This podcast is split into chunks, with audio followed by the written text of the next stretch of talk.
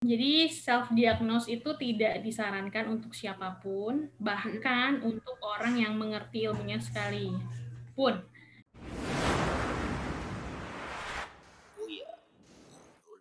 Masyarakat. Assalamualaikum warahmatullahi wabarakatuh.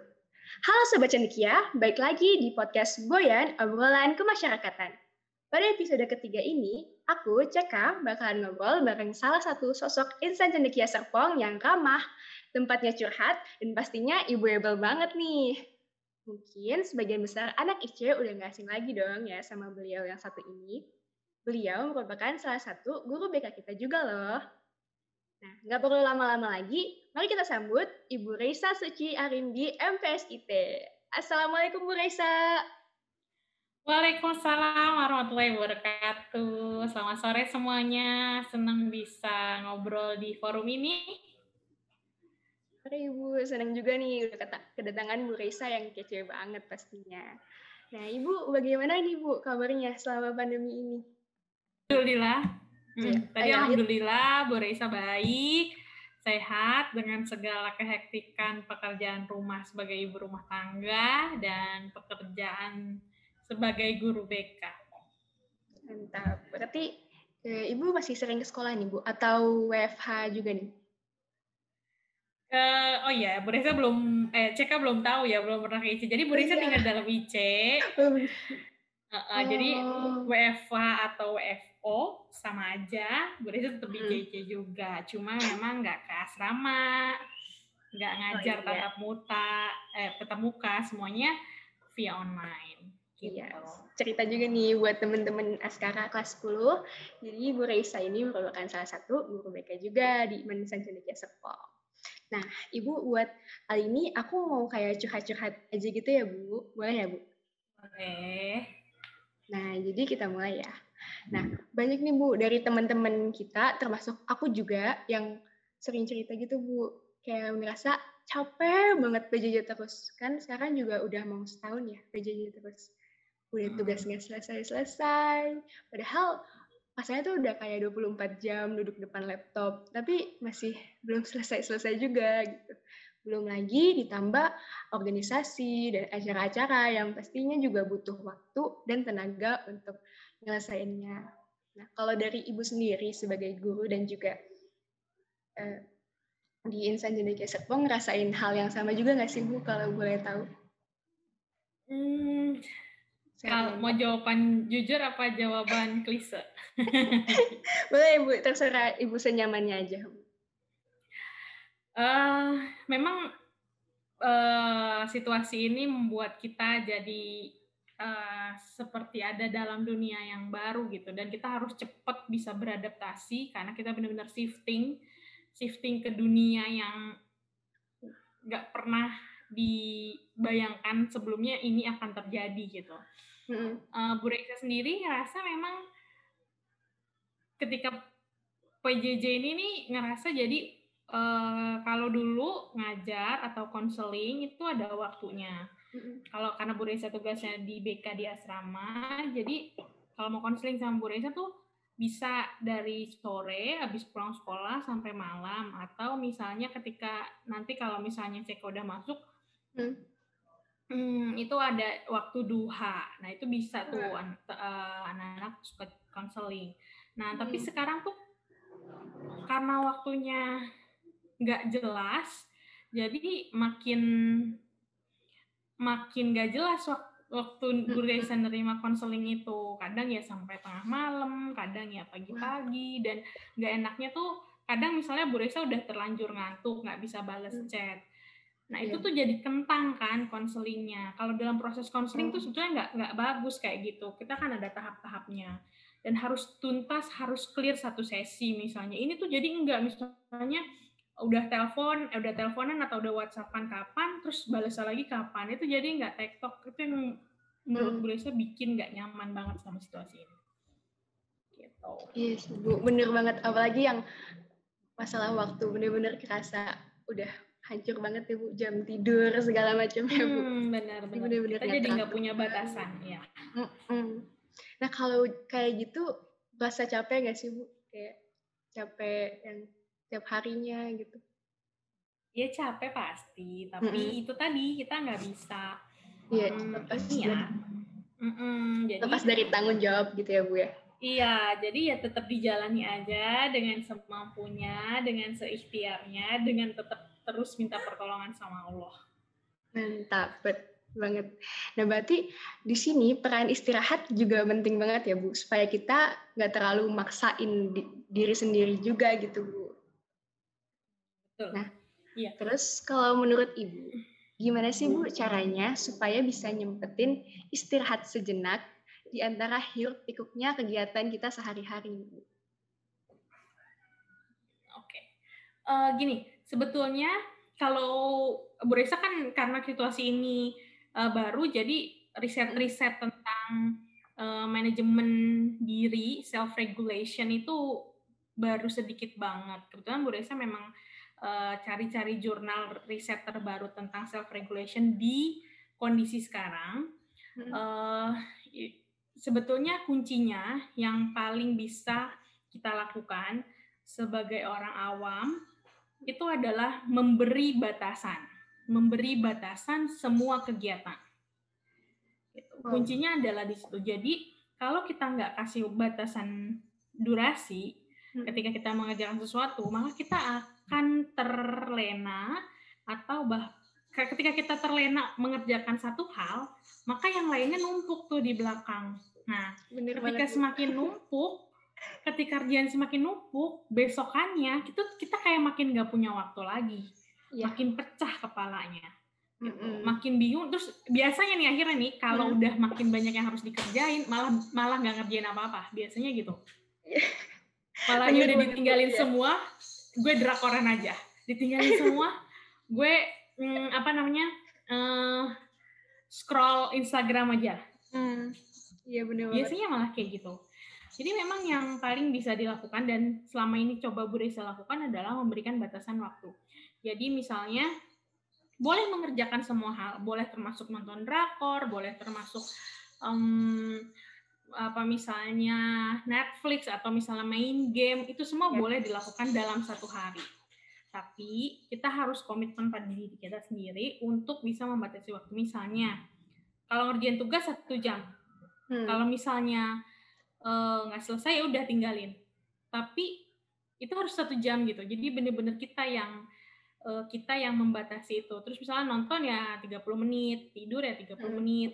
Nah, jadi kalau pertanyaannya tadi gimana caranya kita tetap bisa istirahat, yaitu tadi dengan memberi batasan durasi waktu untuk berapa lama kita menyelesaikan atau mengerjakan sesuatu dalam kurun waktu 24 jam.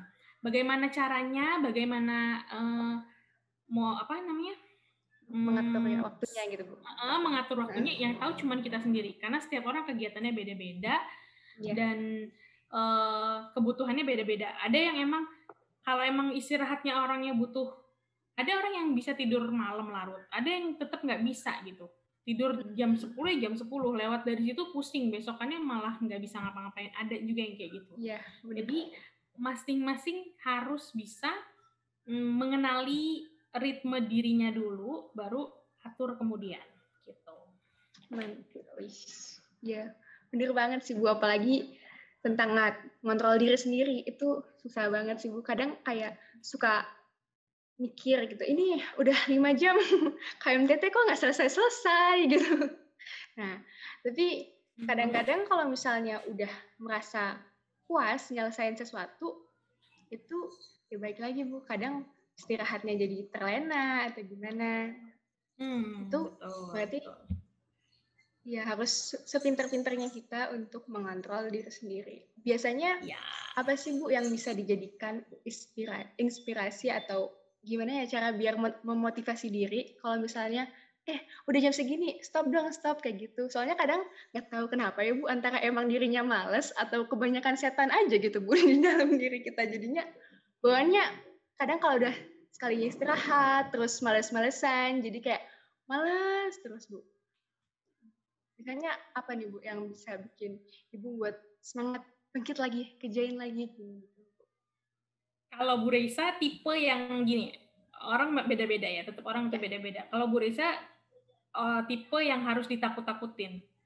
Jadi uh, Bu Reza lebih memilih membuat diri khawatir, menakut-nakuti diri sendiri supaya uh, bisa dikerjain. Misalnya gini, hmm. uh, misalnya contoh sederhana Bu Reza harus uh, hari ini udah dijadwal ini mau nyetrika, beresin setrikaan. Terus lagi asik nih ceritanya, ngeliat Shopee kan emang lagi nyari barang sesuatu. Terus kan biasa perempuan kan masalah di warna lah, harga lah, hmm. apalah gitu ya. Terus misalnya, eh ntar lah belum ketemu nih yang ini apa yang ini ya, misalnya kayak gitu. Terus yeah. langsung mikirin gini, stop, stop, stop, stop, stop. Lu daripada lanjutin lagi Shopee lo, nanti setrikaan lu numpuk, terus malah ditumpuk, malah makin kayak gunung, nanti nyamuk kayak nyamuk di rumah malah tambah banyak, loh, gitu. Hmm. Terus kayak langsung panik sendiri, oh ya gue bangun. Nah, kalau Bu kayak gitu tipenya. Emang hmm. harus kayak ditakut-takutin harus mencoba membayangkan, divisualisasi, diimajinasikan situasi terburuk kalau kita nggak hmm. menstop kegiatan ini untuk segera berpindah ke kegiatan yang lain. Iya, gitu. bener banget gitu. Jadi mencoba menghadirkan uh, situasi terburuk ke depan gitu. Bisa juga atau bisa juga kalau misalnya kayak gitu, uh, kalau nggak kayak gitu, kalian pasang alarm di di ini. Hmm di iya. handphone. Iya, banyak juga kan yang Bu sekarang udah ada kayak hmm. study timer gitu ya, Bu. Iya, di list to do terus kemudian di set-set jam-jamnya itu juga nggak apa-apa karena kadang batasan kayak kayak apa ya kalau uh, kita lagi olahraga ada waktunya prit, prit itu juga oh, iya, secara iya. psikologis itu bisa menghentak diri kita untuk menyadarkan kita untuk pindah. Kalau kalian pernah psikotes, Hmm. Oh, iya. Pernah ikut psikotes yang ngitung-ngitung nggak? Nambah-nambahin. Yang kertasnya kayak koran besar. Iya, yang banyak satu baju Yang banyak. Uh, oh iya, iya. Cuma tambah-tambah doang tugasnya. Terus ada instruksinya pindah. Pindah. Yeah. Pindah lajur ya. Atau misalnya garis. Kalau ya, jadi ada dua tes itu. Nah, itu adalah fungsi tes psikotes yang itu. Itu namanya Pauli test dan Kraepelin test Kenapa kita diberi jeda waktu? Eh sorry, diberi instruksi di tengah rutinitas kita itu selain untuk melatih konsentrasi kita, itu juga untuk melihat uh, daya tahan stres kita, gitu. Nah, jadi instruksi mm, di tengah keasikan kita melihat sesuatu itu penting untuk mengingatkan gitu. Tapi memang harus dibiasakan dulu ya Bu, pelan-pelan dari awal, nggak bisa langsung nggak bisa langsung iya, banget sih bu. tapi ya. balik lagi ke pembiasaan dari diri kita sendiri. Paling penting niat juga sih ya bu paling penting banget.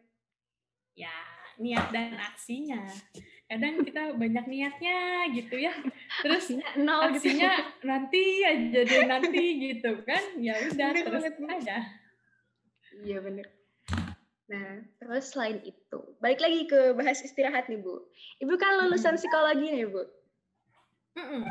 Nah, menurut Ibu, seberapa berpengaruh sih Bu tentang mengambil waktu untuk istirahat sejenak untuk kesehatan mental kita, terutama mungkin uh, siswa-siswi cendekia Serpong yang merasa lelah atau bagaimana gitu Bu?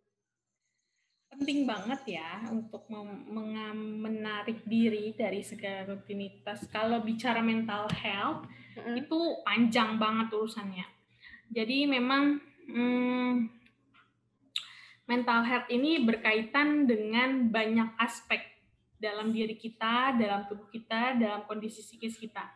Jadi ketika memang eh, psikis kita itu sudah penat, fisik kita itu sudah mulai lelah. Nah, kalau nggak di shut down gitu, dihentikan mm -hmm. dulu semuanya, ya maka nanti kalaupun nggak berdampak hari ini, oke okay, hari ini biasa aja lah, nggak apa-apa misalnya cuma ngantuk doang, cuma teler doang gitu. Tapi kalau itu ditumpuk terus, kita terus hmm, apa memaksakan tubuh kita, membuat diri kita terus ada di pekerjaan gitu, hmm. dan istirahat kita semakin berkurang, maka nggak cuman dampak ke kesehatan tubuh kita yang misalnya jadi gangguan tidur, gangguan makan, itu juga bisa ke hmm, itu tadi kesehatan mental, ya, mental kita. health iya. Nah, stres tadi. Ya, dan sebetulnya kesehatan tubuh sama kesehatan mental itu kan berkaitan ya. Berkaitan ya. Sering juga misalnya kita tuh stres, terlalu baik dipikirkan, mm. terlalu banyak hal yang apa harus dikerjakan, terus mm. akhirnya kita jadi sakit iya. perut, yeah. kita jadi mus itu namanya psikosomat, ya itu namanya psikosomatis. Hmm. Yang mana sakit fisik disebabkan oleh sakit psikis. Gitu. Jadi hmm. kita stres mah. Jadi kadang tuh kalau orang sakit suka ditanya juga ada pikiran nggak, lagi stres nggak. Nah karena kayak gitu semuanya berkaitan. Karena kalau fisik kita udah ambruk, makin nggak bisa ngerjain apa-apa, makin banyak yang ditumpuk, makin kacau lagi. Bener banget Bu. Jadi emang penting banget sepenting itu ya Bu. Minimal sehari ada deh waktu yang kita luangkan untuk ambil nafas sebentar, hilangkan pikiran-pikiran dari segala macam yang ada. Oke, kita lanjut ya Bu. Nah, jadi aku pernah ngeliat nih Bu, istilah hmm. burnout. Nah, mm kalau dari sisi psikologisnya itu tuh kayak gimana sih Bu? Terutama kan kalau misalnya pelajar-pelajar zaman sekarang masih sering banget tuh ngerasa, aduh, udah nih, udah deh, hmm. udah cukup burn out nih, burn out. Nah, kayak gitu. Mungkin bisa tolong dijelasin Bu, buat pendengar-pendengar setia kita, kira-kira hmm. kayak gimana sih Bu burn out yang sebenarnya gitu? Uh, sebetulnya burnout itu pertama kali di apa ya diperkenalkan itu uh, oleh risetnya sebentar boleh saya baca dulu hmm. oke okay. jadi uh, pertama kali diperkenalkan itu oleh psikolog dari Amerika jadi uh, ini tuh untuk menggambarkan situasi kerja sebetulnya hmm. situasi kerja para employee para employee yang uh, sudah kehilangan motivasi, demotivasi dan hasrat untuk bekerja.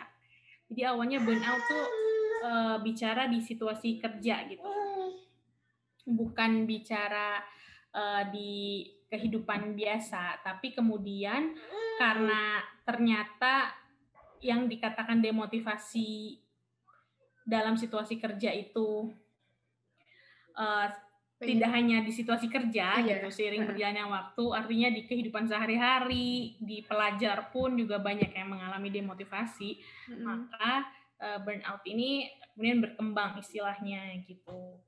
Jadi secara harfiah itu hmm. kelelahan secara emosional, fisik, dan mental yang disebabkan oleh stres yang berlebihan dan berkepanjangan. Itu dia kemudian tadi akibatnya jadi demotivasi. Jadi males, nggak mau ngapa-ngapain gitu.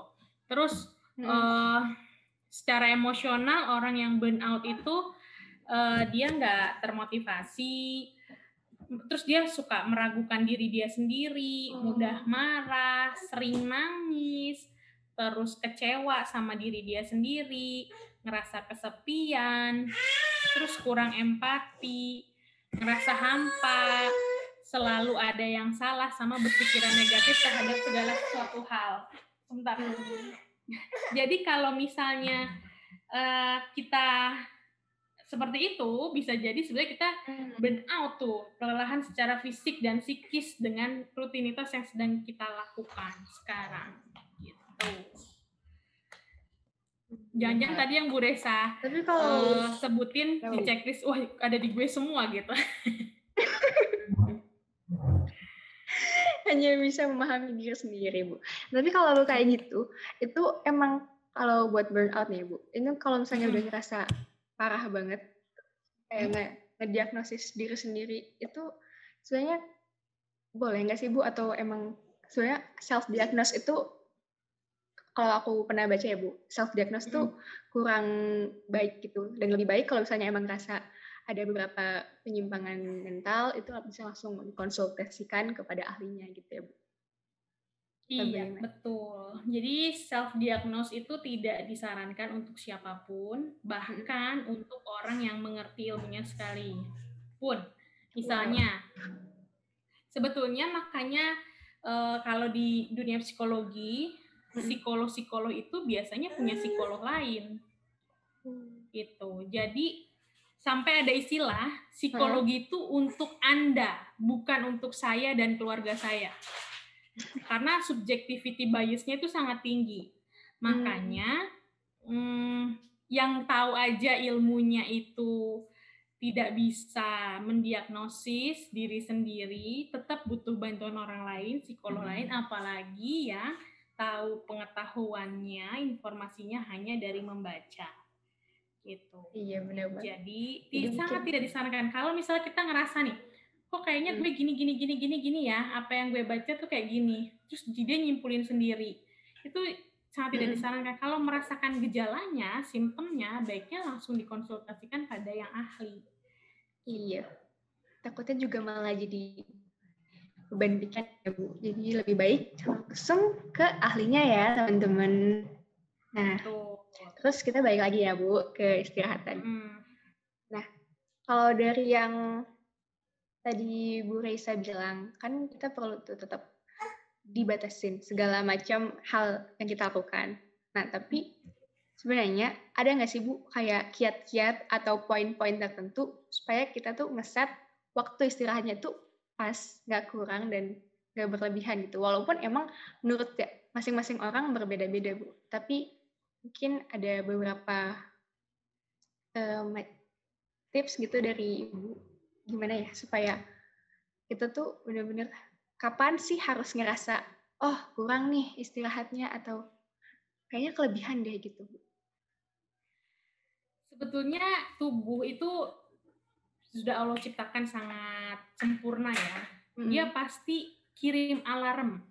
Oh iya kayak sinyal-sinyal gitu ya Bu. Iya, ke kita untuk kasih tahu ini udah berlebihan, lo harus istirahat, lo harus hentikan semua kegiatan biasanya sinyalnya itu ya kalian bisa ngerasa ngantuk, udah nggak konsentrasi, udah lola, udah ngerjain soalnya tuh kok nggak selesai-selesai itu tandanya tuh sebenarnya udah tubuh udah ngasih uh, sinyal kalau ini udah waktunya istirahat. Dipaksa pun nanti hasilnya nggak maksimal. Lebih baik istirahat dulu karena itu tadi kalaupun dipaksain pasti hasilnya nggak akan maksimal kan jadi percuma mendingan hmm. istirahat dulu nanti dilanjutin lagi atau misalnya kayak yang tadi burn out terus sudah demotivasi terlalu banyak istirahat terlalu banyak terlenanya nah dilihat lagi kalau misalnya kita bangun tidur bangun leha-leha badan kita malah tambah sakit itu artinya istirahat kita tuh udah kebanyakan karena iya, pasti deh. Kalau kayak kamu pernah nggak kayak iya, iya, bangun iya. tidur tapi bukan seger malah pada sakit iya, malah kayak demamku panas ya bangun tidur kayak ngerasa nggak enak badan gitu bu kadang. Hmm. Hmm. Mm -mm. Nah itu sebetulnya nah, itu kemungkinannya tuh, dua. Kamu cek lagi, kamu tidurnya kelamaan, apa kamu tidurnya terlalu sedikit? Oh. Kalau tidurnya kelamaan, itu berarti juga kamu terlalu banyak istirahatnya, karena tubuh itu butuh gerak, juga butuh uh, di diolah gitu. Jadi kalau misalnya terlalu terus udah terus biasanya juga ada situasinya gini.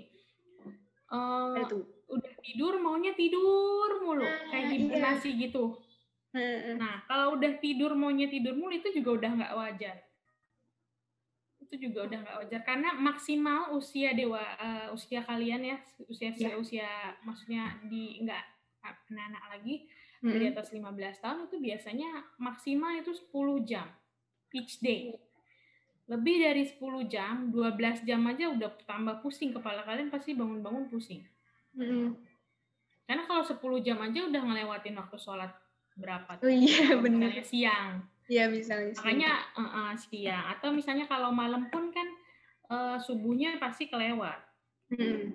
Iya benar gitu sekali yang berlebihan emang gak baik ya bu ya dan aku juga pernah ngeliat bu kalau misalnya bangun tidur itu tuh lebih baik tubuhnya dipaksain supaya bergerak dan nyadar kalau ini tuh udah bukan saatnya buat tidur lagi gitu bu itu hmm. emang beneran berpengaruh ya sih bu Pengaruh banget, makanya stretching bangun tidur, entah itu cuma gerak-gerakin kepala gini, atau tangannya diginiin gitu ya, hmm. baru bangun tidur itu penting buat menyadarkan. Karena kalau di psikologi, neuropsikologi itu ada yang namanya gelombang otak ya. kita hmm. mengenal gelombang otak neurotransmitter. Ketika hmm, tidur itu kan gelombang otak berbeda-beda. Ada yang posisi kita baru merem-merem gitu, udah sayup-sayup. Nah, itu namanya gelombang kita masih di uh, uh, apa ya nama gelombang ibu saya lupa. Tapi kalau yang udah deep sleep itu hmm. namanya hmm. gelombang kita udah sampai gelombang alfa. Hmm. Ada yang kita udah mulai mimpi. Nah, iya. itu sebetulnya udah nggak deep sleep lagi tuh, udah menuju bangun riset itu membuktikan mimpi itu ternyata baru mulai itu lima menit sebelum kita terbangun. Jadi sesi gelombang alfanya itu udah lewat. Gitu. Makanya nah, makanya ketika udah mulai Uh -uh, ya. makanya kadang kenapa kalau misalnya kita mimpi di sekitar kita ada suara, gitu. kita suka masuk gitu ya. Iya benar. Suka masuk ke mimpi kita. Nah itu sebenarnya karena kita udah mulai sadar gitu.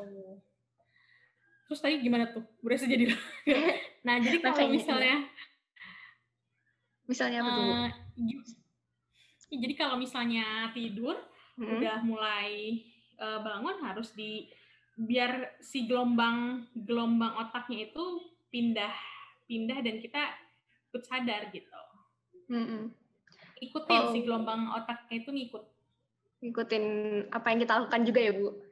Mm -mm, ngikutin aktivitas kita kalau kayak langsung mandi kayak gitu-gitu tuh berarti boleh nggak sih bu? Atau harus ada jeda lah gitu nggak langsung siap mandi mandi. Jadi kayak tiba-tiba hmm. kaget gitu badannya. Baiknya sih bangun tuh duduk dulu ya duduk dulu nggak oh. langsung blek gitu loh pasti pusing deh. Kalau iya, bangun langsung kadang -kadang. misalnya kalian telat nih ya langsung jumpa litan mandi pasti pusing. Iya, iya, jadi baiknya memang kalau bangun tidur uh, duduk dulu stretching dulu, gerak-gerakin badannya sedikit, baru deh Bismillah mulai aktivitas. Kan juga di Islam kan diajarkan berdoa dulu ya berdoa. Iya, doa bangun tidur. Bangun tidur, uh, uh, doa bangun tidur itu bisa dilakukan dulu sambil stretching gitu.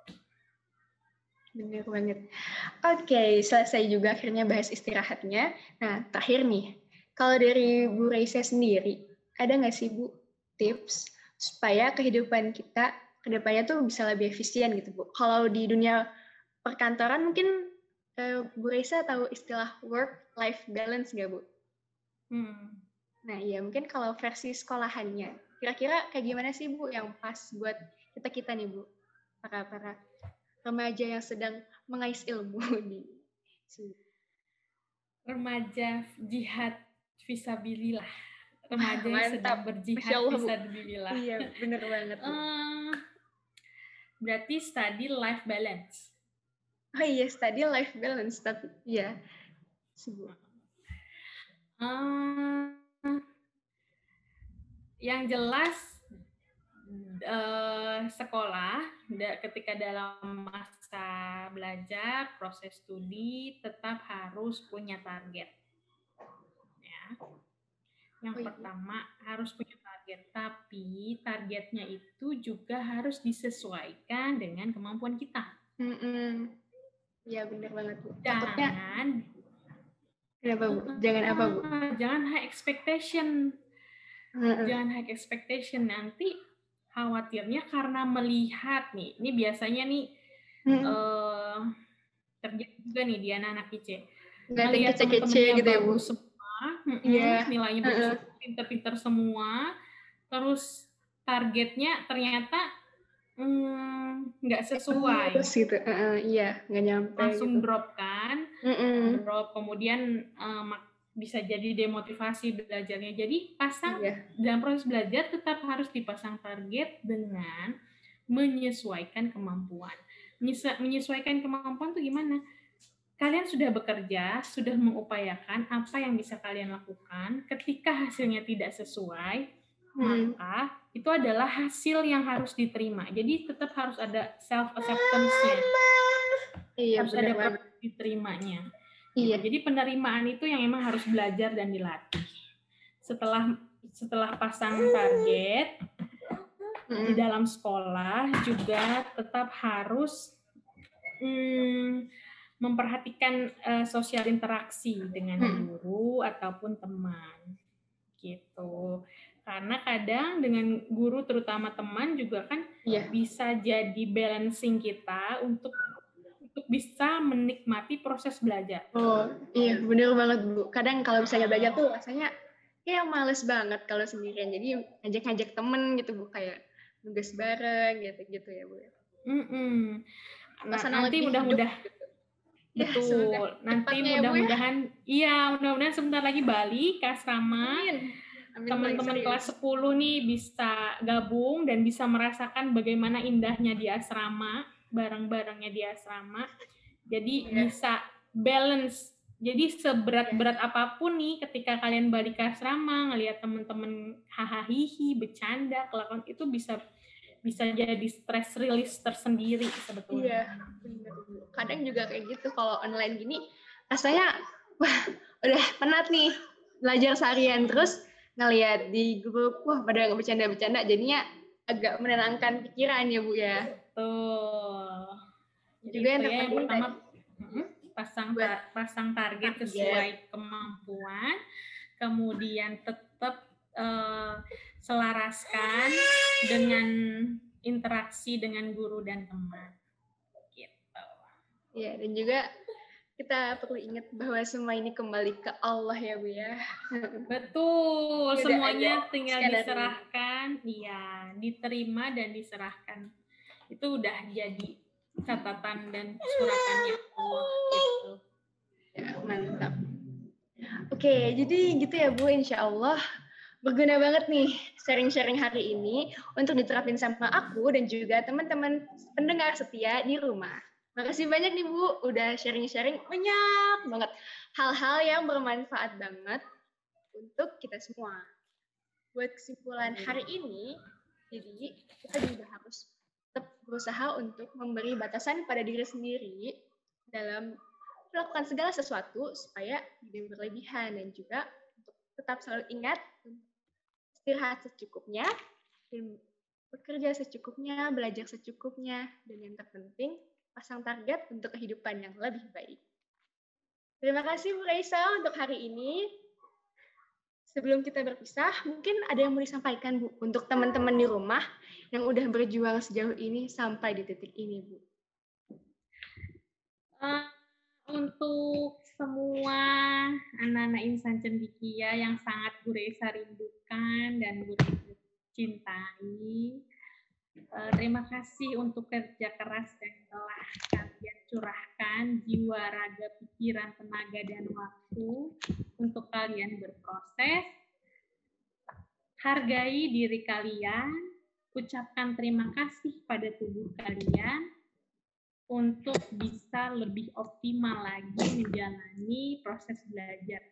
Mudah-mudahan kita segera ketemu di Manifest Serpong ya.